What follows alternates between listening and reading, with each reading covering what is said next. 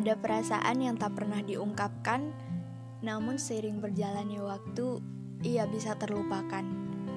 Bersama Binar Jingga, mari kita sama-sama bercerita, agar semua bisa menjadi kenangan, dan selamat mendengarkan.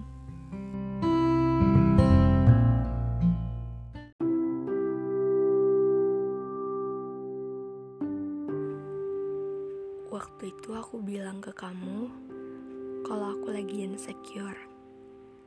Terus kamu bilang, siapa orang yang berani ngebuat kamu insecure sih? Ya aku jawab, gak ada. Ya insecure itu datangnya dari diri aku sendiri. Terus kamu jawab lagi, gak boleh ada yang ngebuat kamu tuh ngerasa insecure. Kamu itu cantik. Udah ya cantik insecure ya. Dan bagiku itu hanyalah omong kosong belaka. Justru saat ini kamulah orang yang berhasil ngebuat aku insecure.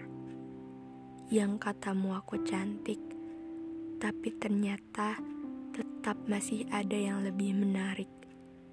Yang katamu aku hebat, tapi masih ada dia yang bagimu itu kuat.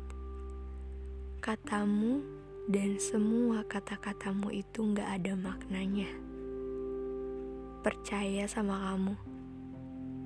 Iya, awalnya aku benar-benar percaya hingga pada suatu saat semua itu telah berkhianat.